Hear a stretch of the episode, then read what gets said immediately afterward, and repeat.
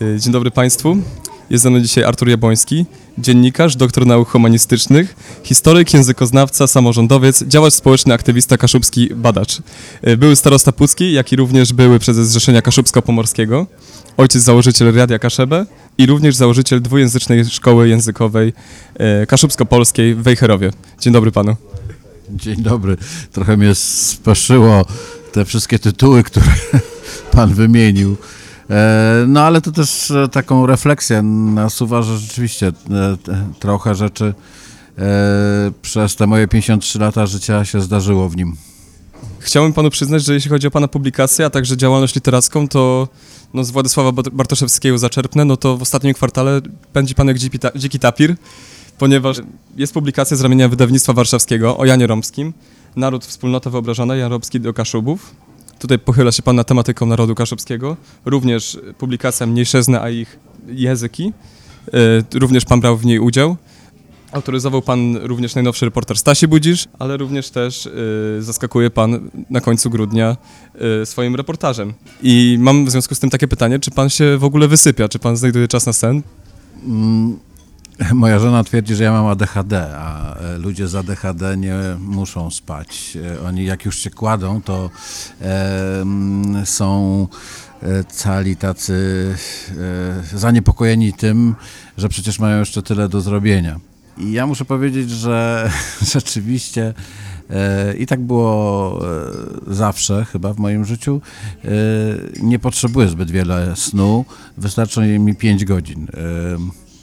Kładę się co prawda dość wcześnie, bo około 22, między 22 a 23, ale wstaję często o czwartej, e, żeby napisać to wszystko, co mam do napisania. Zresztą to są najlepsze godziny. Wtedy nikt nie przeszkadza. I to zarówno e, kiedy moje dzieci były małe, e, był to najlepszy czas, jak i teraz, kiedy już e, dzieci są gdzieś tam w świecie. E, ale jednak e, najlepiej mi skupić e, myśli.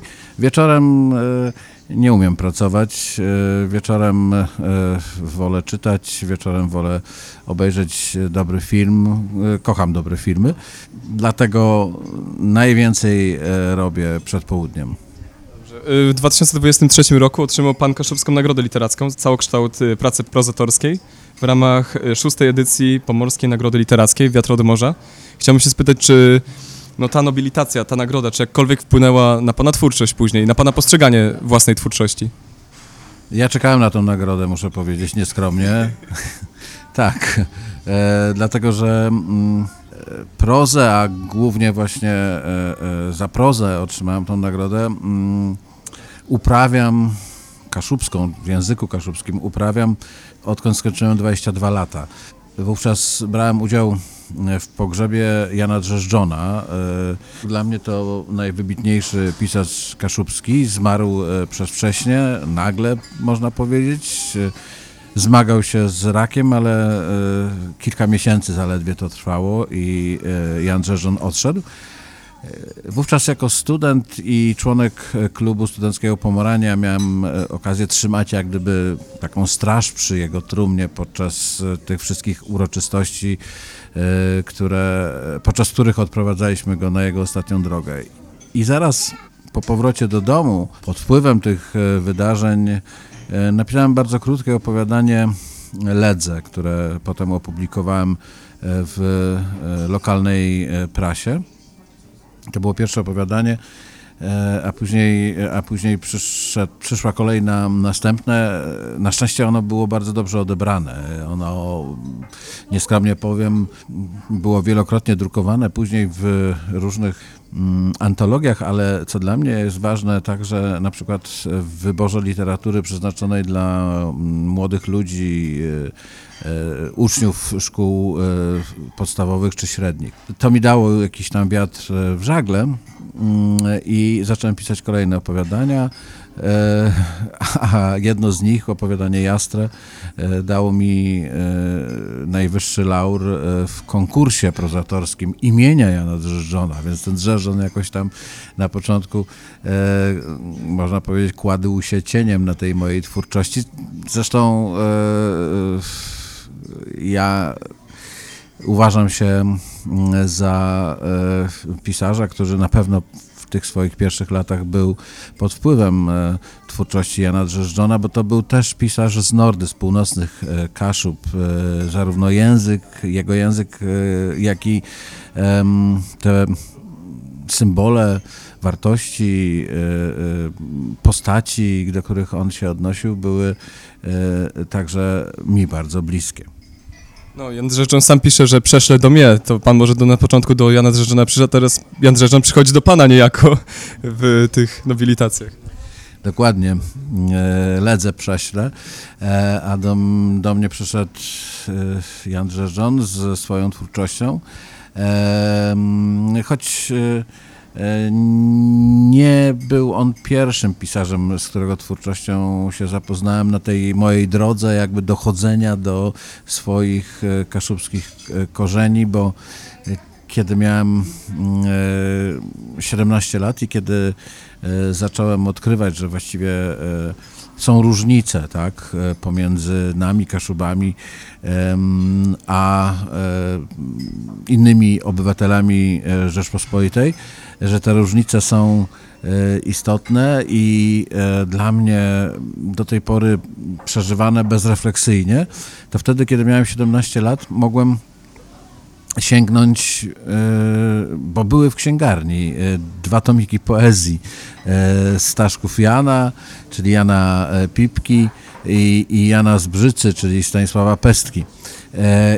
Te tomiki poezji to były... Mm, to była ta literatura, na której ja uczyłem się też czytać po kaszubsku, no bo przecież w szkole kaszubskiego nie było, wręcz za mówienie po kaszubsku ciągano nas za uszy, czy też za e, pejsy. W latach 80. to jeszcze miało miejsce, e, a tymczasem taka, taka trafiła mi się rzecz, jak, jak te tomiki i e, lekcje czytania, które odbywałem z moją mamą. Mama siedziała w kuchni, robiła swoje rzeczy, e, a ja e, w pokoju, w niedużym mieszkaniu w bloku na trzecim piętrze e, próbowałem czytać. A mama mówi, co to ciatyś? Co czytasz? Ja mówię, no, no tacie slowe, wysiś rys przecie ty, przeczytaj jeszcze raz. No to czytałem jeszcze raz, a, a to u to chłydzy, to doch tak so życie. A o to chodzi, to przecież tak trzeba powiedzieć. I w ten sposób e, nauczyłem się czytać. Mm, e, później e, trafiłem na studia w 89-90 roku e, i wtedy poznałem E, redaktorów pisma Tatczyzna, dołączyłem do tej redakcji, tam nauczyłem się e, pisać, e, no i mogłem w 92 popełnić to, to, to, to opowiadanie i rozpocząć te moje, no właśnie, 30 lat przygody z prozą. Oczywiście nie non-stop, dlatego że ja miałem również w tym pisaniu długie przerwy, dlatego że angażowałem się jako E, między innymi samorządowiec także, więc e, wówczas ciężko było mi pisać, ale zaraz po dwóch kadencjach pracy w samorządzie wróciłem do tego pisania i z dużym, myślę, sukcesem e, tworząc e, trzy kolejne e, powieści, które krytyka oceniła, czy też nazwała trylogią nordową, E, gdzie tym bohaterem jest przede wszystkim właśnie ta północ e, Kaszub, co mnie bardzo cieszy, że tak to zostało odczytane, bo ja rzeczywiście mm, staram się e, te wartości nasze tutaj czynić wartościami uniwersalnymi w tej mojej prozie. No, a nagroda, o której Pan wspomniał, która przyszła w tym roku, no to jest zwieńczenie tego wszystkiego, dlatego ja na nią czekałem, tak jak powiedziałem później następne etapy pana życia to też zajęcie się twórczością Jana Romskiego. O tym jest tak naprawdę też pana najnowsza publikacja Naród Wspólnota Wyobrażona, Jan Romski do Kaszubów. Tutaj ta książka tak naprawdę dzieli się na dwie części. Pierwsza z nich jest poświęcona elementom kaszubskiej tożsamości, literatury i kaszubskiego języka. Druga część natomiast jest y, spojrzeniem i odczytaniem Jana Romskiego przez współczesnych intelektualistów i nie tylko. zawiera analizę Jana Rąbskiego, ale również z Rzeszyńców. Czy mógłby pan wyjaśnić słuchaczom naszym, kim byli ci z Rzeszyńcy? W 1995 roku ukończyłem historię na Uniwersytecie Gdańskim i e, zwieńczeniem tych moich studiów była praca magisterska, e, która poświęcona była e, Janowi Schuttenbergowi. Jan Schuttenberg był właśnie z grupy Zrzeszyńców. Była to polityczno-literacka grupa, która się ukształtowała na przełomie lat 20. i 30. XX stulecia, e, która zaczęła swoją działalność w czasie wielkiego kryzysu, co nie jest bez znaczenia, dlatego że mm, to był ten moment, kiedy e, Gdynia, która już była miastem, e, ale jednocześnie wciąż się rozwijała i e, budowała, mm, stała się miejscem, e, z której zaczęto rugować Kaszubów.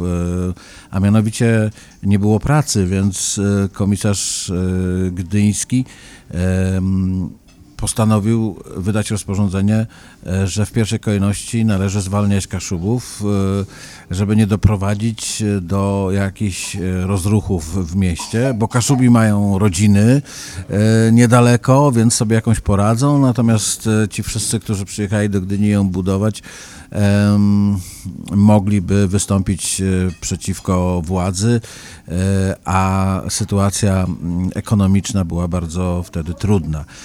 I jakby w odpowiedzi na to, ale także na inne działania mm, e, władz II Rzeczpospolitej, takie jak na przykład e, rugowanie nauczycieli ze szkół e, kaszubskich, nauczycieli kaszubów i oddelegowanie ich, oddelegowywanie ich do miejscowości na przykład w Wielkopolsce, gdzie musieli podjąć pracę. Natomiast... No właśnie, kaszubscy nauczyciele musieli podjąć pracę w innych województwach, nie na kaszubskiej ziemi. To brzmi strasznie z perspektywy dzisiejszych ruchów, e, by promować właśnie regionalizm kaszubski. Tak, taka była polityka właśnie władz II Rzeczpospolitej, e, ponieważ można to jakoś próbować tłumaczyć w ten sposób, że to młode państwo, które powstało w 1918 roku, tu na Pomorze E, e, doszło ta administracja w 1920 roku, to państwo próbowało e, w jakiś sposób no, asymilować i, i, i łączyć poszczególne regiony, które zdecydowanie różniły się także dlatego, że przecież przez 123 lata należały do różnych organizmów państwowych, były różne systemy prawne, szkolne, geodezyjne itd., itd. No i to państwo w jakiś sposób e, nie chciało, że tak powiem, e, mm, żadnych takich e, autonomicznych ruchów. Zresztą wówczas w Rzeczpospolitej żyło 16% osób, które obywateli, które nie miały obywatelstwa polskiego, należały do mniejszości. Natomiast Kaszubi absolutnie państwo nie chciało ich traktować jako, jako kolejnej mniejszości, w związku z tym utrudniało na wszelkie sposoby organizowanie się e, e, Kaszubom. E, no jakby w odpowiedzi na to mm, powstało, powstała ta grupa zrzeszyńców, która zajęła się w pierwszej kolejności polityką, dlatego że w 1933 roku utworzyli gazetę, w której e, w pierwszym numerze zażądali właśnie e, pracy dla kaszubskich nauczycieli, zażądali e, stanowisk takich jak na przykład stanowisk starostów dla kaszubów i nawoływali kaszubów do tego, żeby właśnie łączyli się wspólnie, ponieważ są narodem, który ma prawo do tego, żeby mieć e, własny język, własną kulturę i własną politykę. Tak to właśnie określili, jakby zdefiniowali w ten sposób także e, tą wspólnotę wyobrażoną, e, jaką jest każdy naród, właśnie przez język, przez kulturę i politykę. Wśród tych zrzeszyńców najmłodszym był właśnie Jan Romski. On miał zaledwie 20 e, lat, kiedy e, ukazał się pierwszy numer z Rzeszeka Siepści. zadebiutował tam jako, jako poeta, ale generalnie cała jego twórczość była w ten sposób, można powiedzieć, prowadzona przez niego samego, żeby była takim medium do niesienia tej kaszubskiej idei narodowej. Zrzeszyńcy niejako kontynuują może bardziej znany ruch Młodokaszubów, nie, niektóre postulaty, czy te cztery ruchy jakoś siebie uzupełniają w perspektywie historii, czy one są od siebie zupełnie różne? Ja bym powiedział, że mm, mimo pewnych prób i, i mm, pewnych haseł, które y, y, Zrzeszyńcy y, starali się e, wypowiadać, czy też e, o nich pisać. I mimo tego, że mm, ich e, patronem, ale też mentorem był Aleksander Majkowski, czyli lider właśnie wspomnianych młodokaszubów, którzy działali mm, no, te 20-25 lat wcześniej, rozpoczynali działalność 25 lat wcześniej, bo w 1908 roku powiedzmy, E, w 1912 się odbył ten zjazd w Gdańsku. Tak, w 1908 e, założyli Majkowski i Karnowski pismo Gryf e, w Kościerzynie, a w 1912 roku odbył się zjazd Młodokaszubów, czyli tak naprawdę powstała pierwsza organizacja kaszubska. E, oczywiście zaraz też e, inne, inne organizacje, przede wszystkim ukierunkowane na politykę polską, na odzyskanie przez Polskę niepodległości itd., tak itd., tak okrzyknęli ich separatystami. I w tym sensie można powiedzieć, że zarówno Młodokaszubi, jak i Zrzeszyńcy E, podzielili ten sam e, los. Natomiast, bo Zrzeszyńców też okrzyknięto separatystami. Natomiast e, jeśli wejdziemy mm, głębiej w ich ideę, to młodokaszybi wierzyli jeszcze w, w, w możliwość wspólnego rozwijania się dwóch narodów równolegle. To była taka idea, która sięgała jeszcze do średniowiecza, kiedy mm, książę gdański, wschodniopomorski Mściwój II e, podpisał, mm, e, podpisał mm, porozumienie z e, księciem wielkopolskim Przemysłem II, taki układ na przeżycie. Kto z nich przeżyje, ten bierze dziedzinę tego drugiego i rządzi nią. E, niestety mm, Przemysł II przeżył e, Mściwoja, e, księcia gdańskiego i mm, dzięki temu, że zjednoczył w ten sposób dwie dzielnice wielkopolskie i Pomorze Wschodnie, mógł się po tym rozbiciu dzielnicowym średniowiecznym koronować na pierwszego polskiego króla. No i od tamtego czasu w literaturze, w myśleniu y, części liderów kaszubskich y, była ta, był ten pomysł, że Kaszubi y, i Polacy mogą wspólnie po prostu w jednym państwie funkcjonować, niejako tworząc E, tworząc e, no jedno, e, jedno polityczną, polityczną strukturę, ale jednak będąc dwoma odrębnymi narodami. I młodo Kaszubi bardzo w to wierzyli, że tak może być, bo oni swoją działalność rozpoczęli w momencie, kiedy, czy też tuż przed wybuchem I wojny światowej, a więc w takim momencie, kiedy E, nagle zaczęły powstawać te nowoczesne państwa, tak? Również powstało e, państwo polskie w wyniku w wyniku mm, e, pokoju, który zapanował po I wojnie światowej. E, bardzo szybko się okazało właśnie, że no to były mrzonki, tak, że nikt z młodokaszubami nie chce rozmawiać na takim poziomie dwóch e, podmiotów, które tworzą coś wspólnie. Bardzo szybko mm, zepchnięto właśnie Kaszubów do roli obywateli drugiej kategorii. Armia Halera, która tutaj przyszła na te tereny, E, zachowywała się jak armia okupacyjna.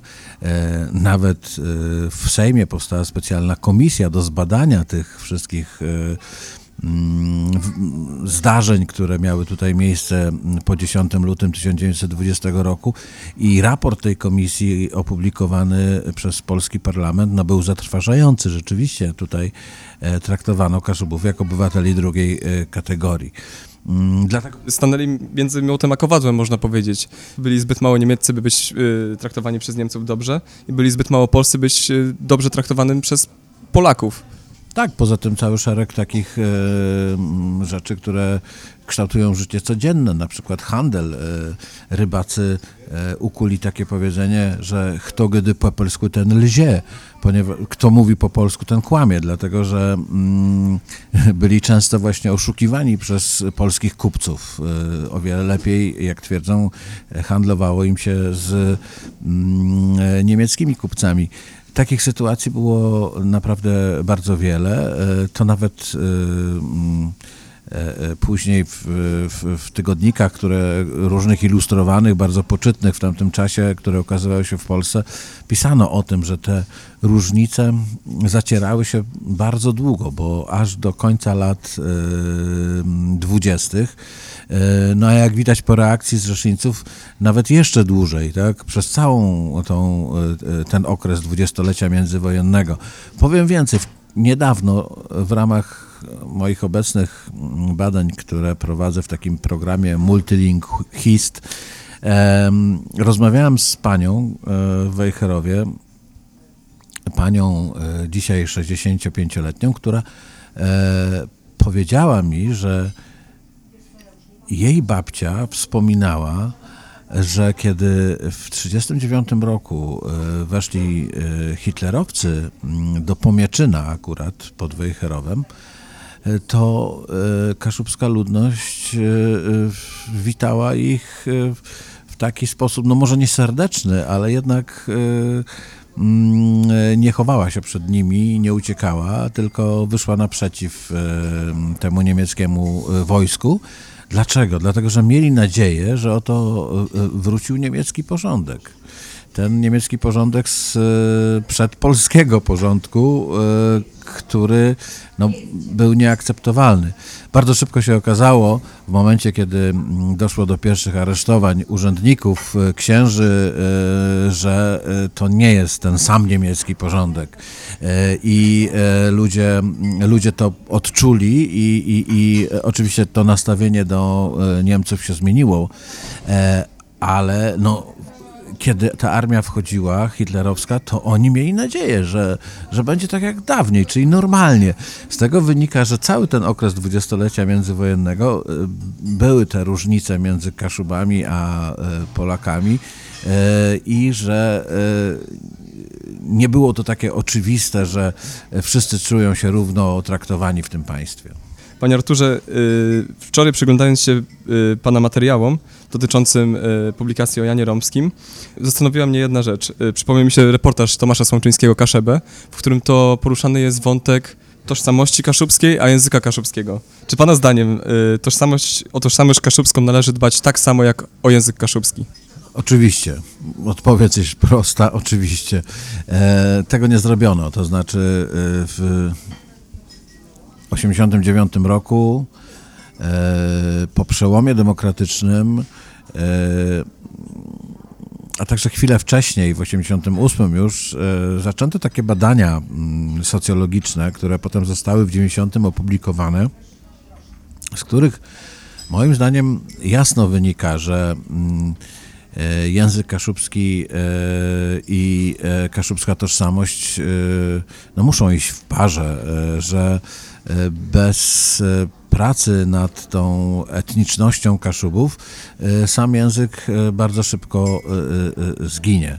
Niemniej jednak liderzy kaszubscy, mm, także pod wpływem mm, prowadzonej wówczas polityki, w którą ci liderzy się włączali, polityki opozycji, liderzy kaszubscy postawili na język jednak, jako na ten wyznacznik naszej tożsamości i w myśl takich słów, które wypowiedział Donald Tusk w 1992 roku na drugim kongresie kaszubskim, zaniechali jak gdyby podkreślania odrębności kaszubskiej, kaszubskiej etniczności.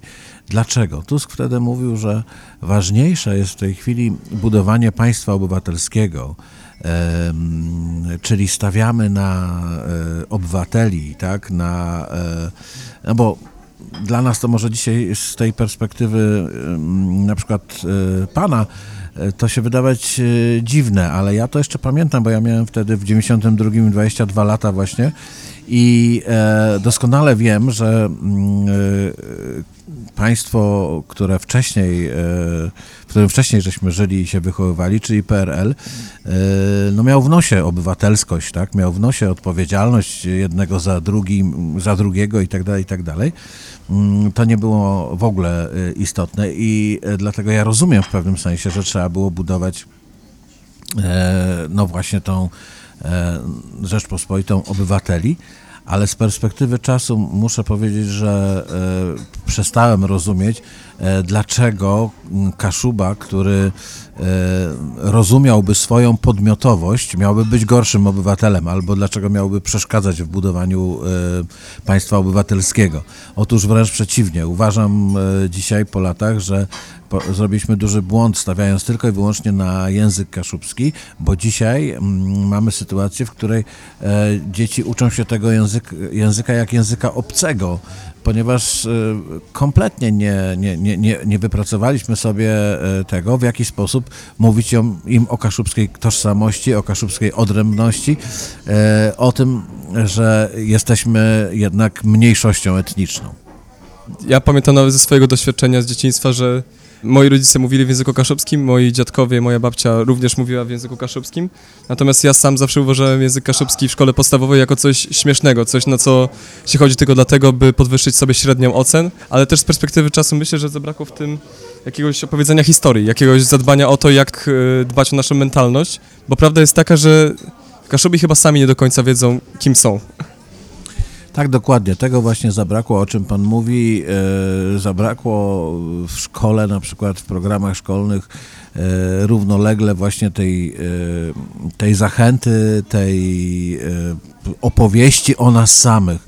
To prawda, że my nie wiemy, kim jesteśmy, ale mogliśmy przez te 30 minionych lat od drugiego Kongresu Kaszubskiego wypracować sobie tą opowieść i to wyobrażenie o nas samych wypracować, żeby przekazywać je kolejnym pokoleniom. Tymczasem myśmy tego nie zrobili i tak naprawdę jesteśmy w e, miejscu, w którym e, no, byli e, nasi dziadkowie czy pradziadkowie, którzy no, czuli różnicę, wiedzieli, że ich język jest inny od języka polskiego czy niemieckiego, ale mówili o sobie, że są tutejsi.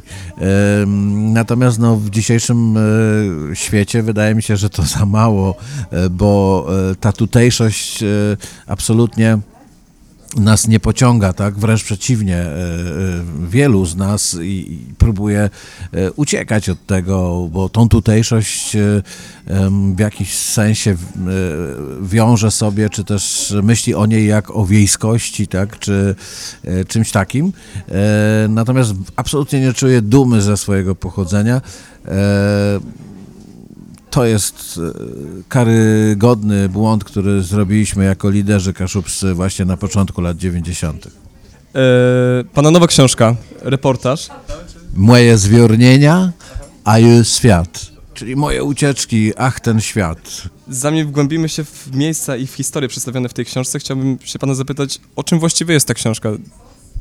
Ta książka jest o tym, że jak spotykam e, się z ludźmi e, w Europie, którzy mają swoje kultury, które mają swoje języki, to poprzez e, różnice, jakie są między nami, ale także i podobieństwa, e, ja jeszcze bardziej czuję się kaszubą. Taka prawda, że mm, my budujemy swoją tożsamość, swoją podmiotowość przez dostrzeganie różnic jednak zaczynamy, y, często to są też nasze takie indywidualne historie, zaczynamy właśnie e, nagle postrzegać, że ktoś inaczej widzi świat, albo, no już nie mówiąc, że mówi innym językiem, tak, ale, ale często nawet w naszym kręgu kulturowym można powiedzieć, że mm, pewne, pewne rzeczy nazywa inaczej, pewne rzeczy robi inaczej i to już daje nam e, jakiś przyczynek do, do, do, do myślenia, kim ja właściwie w takim razie jestem, tak? Ja miałem takie, e, można powiedzieć, przeżycie e, w szkole średniej, kiedy miałem lat 16 i kiedy przeczytałem E, książkę Melchiora Wańkowicza, reportaż Walczący Gryf. I sobie pomyślałem, że skoro on pisze o ludziach, których ja właściwie e, mijam na ulicy, bo e, tam jednym z bohaterów był Augustyn Necel z Władysławowa, a ja szkołę, szkołę podstawową kończyłem we Władysławowie i rzeczywiście były sytuacje, gdzie gdzieś czy w kościele, czy na ulicy właśnie mijałem się z tym człowiekiem i teraz czytam o nim w książce i to tak wielkiego reportażysty jak Melchior Wankowicz, to znaczy, że, że, że, że są jakieś wartości w Kaszubach, które warto e, odkrywać i opowiedzieć im światu.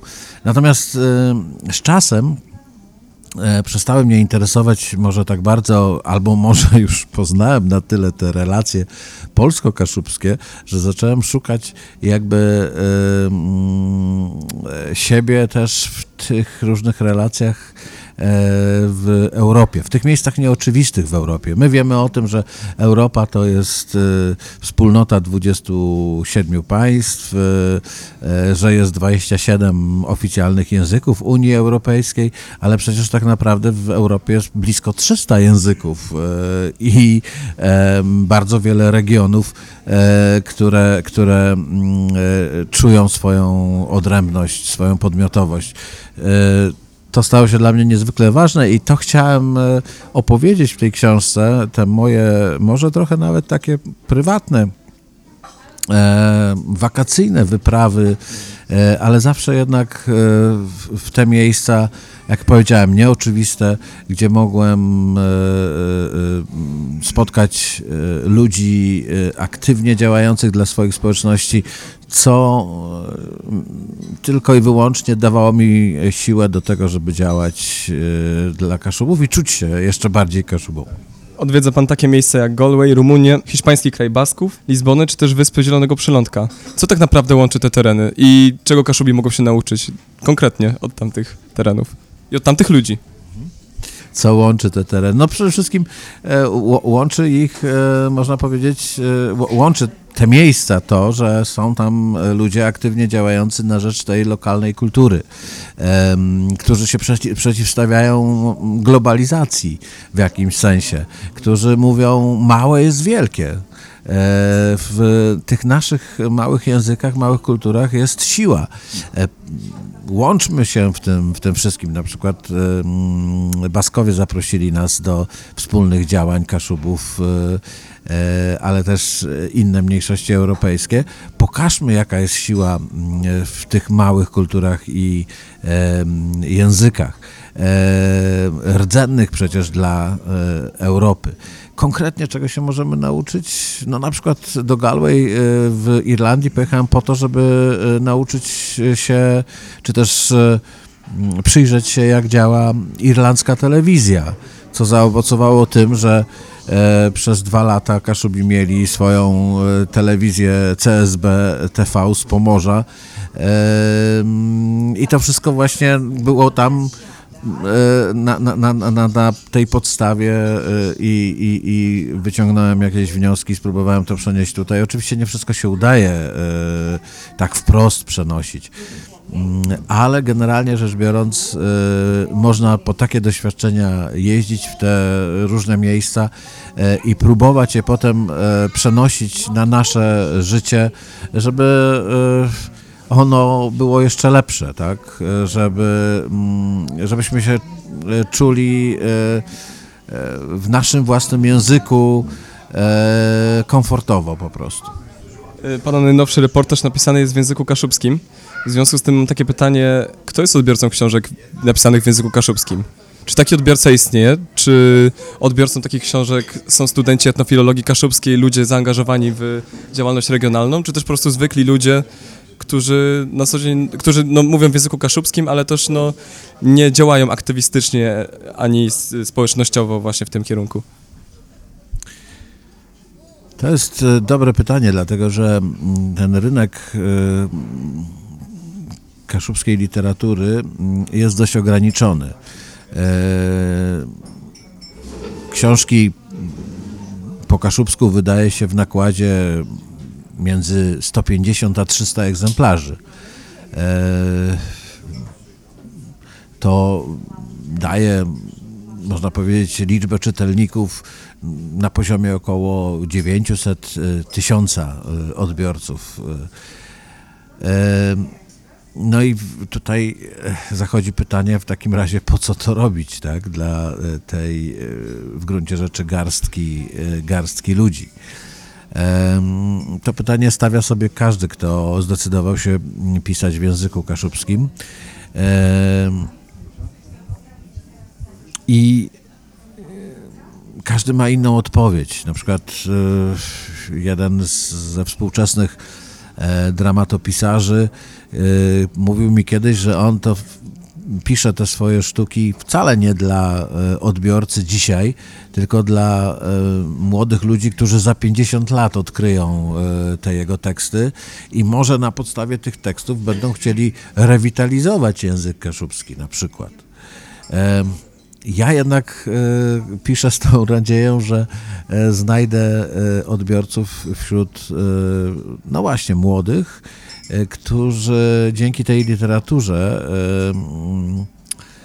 w jakiś sposób odkryją, że, że, że, że kaszubszczyzna nie musi być taka przaśna, tak?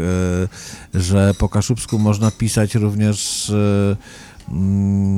o tych wszystkich rzeczach, o których pisze się we każdym niemalże języku na świecie, e, a nie tylko, nie wiem, rzewnie o tradycji chłopskiej, e, e, głedach, jastrach, etc., etc.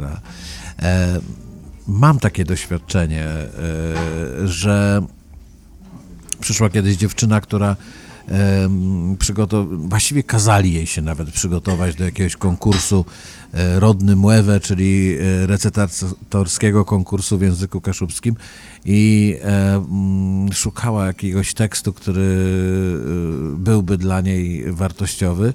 I wtedy wpadła na mój tekst, na moje opowiadanie, które się ukazało w jakiejś antologii. I nagle otworzyła oczy, że można po kaszubsku opisać scenę erotyczną, co dla niej e, było zaskoczeniem, a jednocześnie e, asumptem do tego, żeby żeby stać się aktywistką kaszubską, e, żeby polubić to, co robi, a nie traktować tego tylko i wyłącznie jako, no właśnie, obowiązku, dzięki któremu można sobie polepszyć stopnie w szkole czytając Pana książkę, mimo tego, że no, staram się jak mogę, jestem zainteresowany tematyką kaszubską, to nie rozumiałem wielu słów tak naprawdę. I mam wrażenie, że taka literatura jest niejako jakąś taką pamięcią, jakąś taką pamiątką może też, też po tych czasach. Jestem ciekaw, jak y, kwestia języka kaszubskiego w przyszłości będzie wyglądać dalej. Bo na przykład Eugeniusz Pryczkowski, wiadomo, jego stanowisko jest takie, że on widzi śmierć języka kaszubskiego w przyszłości Natomiast nie zwiastuje, nie, nie jest to wcale takie złe, ponieważ współcześni pisarze, literaci robią wszystko, co mogą, by jak najpiękniej ten język opisać za życia jeszcze. No tak, aczkolwiek po co, po co robić takie rzeczy, e, po co... że tak powiem, dać umrzeć czemuś, co jest jeszcze żywe. Tego ja akurat nie rozumiem. Ja, ja znam te, te, te stanowiska oczywiście. Zresztą to, co przytoczyłem, te słowa mojego kolegi pisarza, który mówi o tym, że on pisze dla tych pokoleń, które będą za 50 lat sięgać po tą literaturę, jest zbliżone do tego właśnie stanowiska. Ja jednak i to też nauczyłem się od Basków. Y, jestem tego zdania, że można w tym momencie jeszcze na tyle e, zrewitalizować język, e, żeby on nigdy nie musiał być w tej sytuacji, że będziemy odprowadzać na, na cmentarz jego ostatniego użytkownika. E, a potem dopiero odtwarzać wszystko. E, Baskowie to zrobili, oni 50 lat temu mieli taką sytuację, co się może wydawać e, z dzisiejszej perspektywy i kondycji tego języka bardzo dziwne, ale sam byłem świadkiem na 50-leciu e, baskijskiej podstawówki, gdzie ten, który ją zakładał, obecnie 80-letni człowiek, mówił wyłącznie po hiszpańsku, ale wszystkie następne pokolenia mówiły po baskijsku, które występowały na tej uroczystości, tak? Więc e, ci, którzy zakładali te szkoły 50 lat temu, e, byli już w sytuacji, kiedy sami e, nie posługiwali się mm, swoim ojczystym językiem, a jednak potrafili wszystkie siły i środki w ten sposób ukierunkować, żeby to, te, te ich działania przyniosły, mm, przyniosły sukces. Mi się wydaje, że my też moglibyśmy, ale rzeczywiście po, potrzebujemy jakiegoś wsparcia instytucjonalnego, potrzebujemy wsparcia państwa jeszcze większego niż otrzymujemy do tej pory. To był zaszczyt y, przeprowadzić z panem wywiad tutaj w te popołudnie grudniowe na Puckim Rynku. Czy ma pan jakieś życzenia noworoczne lub przedświąteczne dla słuchaczy, studentów akademickiego Radia Luz? E, Czy ja mam jakieś życzenia? Oczywiście chciałbym życzyć wszystkim, żeby e, odnajdywali, odnajdywali po prostu w, w tym, co robią e, siebie przede wszystkim, w różnych wymiarach i osobistych, i tych właśnie grupowych, o których tutaj rozmawiamy. Nic na siłę, tak? Niech jest w tym właśnie ten luz, ale szukajcie własnych dróg. Dobrze, dziękuję. Moim gościem na antenie akademickiego Radia Luz był Artur Jabłoński, pisarz, dziennikarz, aktywista, a przede wszystkim Kaszuba. Dziękuję bardzo. Bóg zapłać.